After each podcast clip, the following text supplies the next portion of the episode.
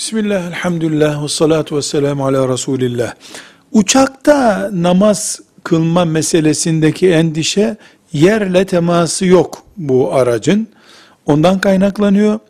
E, yön tespit etmek e, çok zor.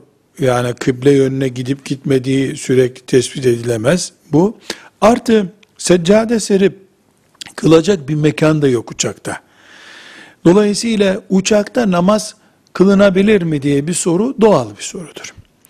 Cevap olarak deriz ki Müslümanın namaz kaçırmasındansa uçakta oturduğu koltukta kıbleye dönmeye gerek kalmadan bile namaz kılması mümkündür. Zaten iki rekat namaz kılacaktır. Oturduğu koltukta ayakkabılarını ayağından çıkarır. Ayakkabıları kirli olma ihtimali yüksek. Ve e, tekbir getirir. Namaz kılar koltukta otururken. Rükû yapmak için hafifçe belini büker.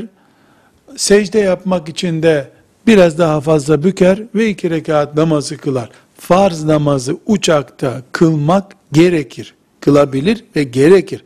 Nafileler için zaten bir sorun yok. Sünnetler istediği kadar kılabilir. Velhamdülillahi Rabbil Alemin.